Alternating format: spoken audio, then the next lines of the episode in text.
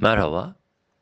BIST 100 dün günün genelindeki yatay hareketinin ardından gün sonuna doğru aşağı eğilim sergiledi.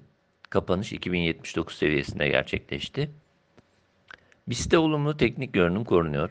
2100 direnci gün içerisinde test edilirken bu seviyeden bir miktar geri çekilme yaşandı.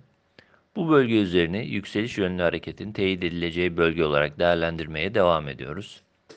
2100 seviyesi üzerinde 2250-2300 bandına yönelik bir hareket gelişebileceğini düşünüyoruz. Endekste saatlik periyot için ortalamalarda yukarı eğilimin geçerli durumda olduğunu, dolayısıyla direnç bölgesinin test edilmesine yönelik beklentinin korunduğunu söyleyebiliriz. BIST'te 2050-2020 bandı yakın destek, 1980 seviyesi altı ise zayıflama bölgesi olarak düşünülebilir.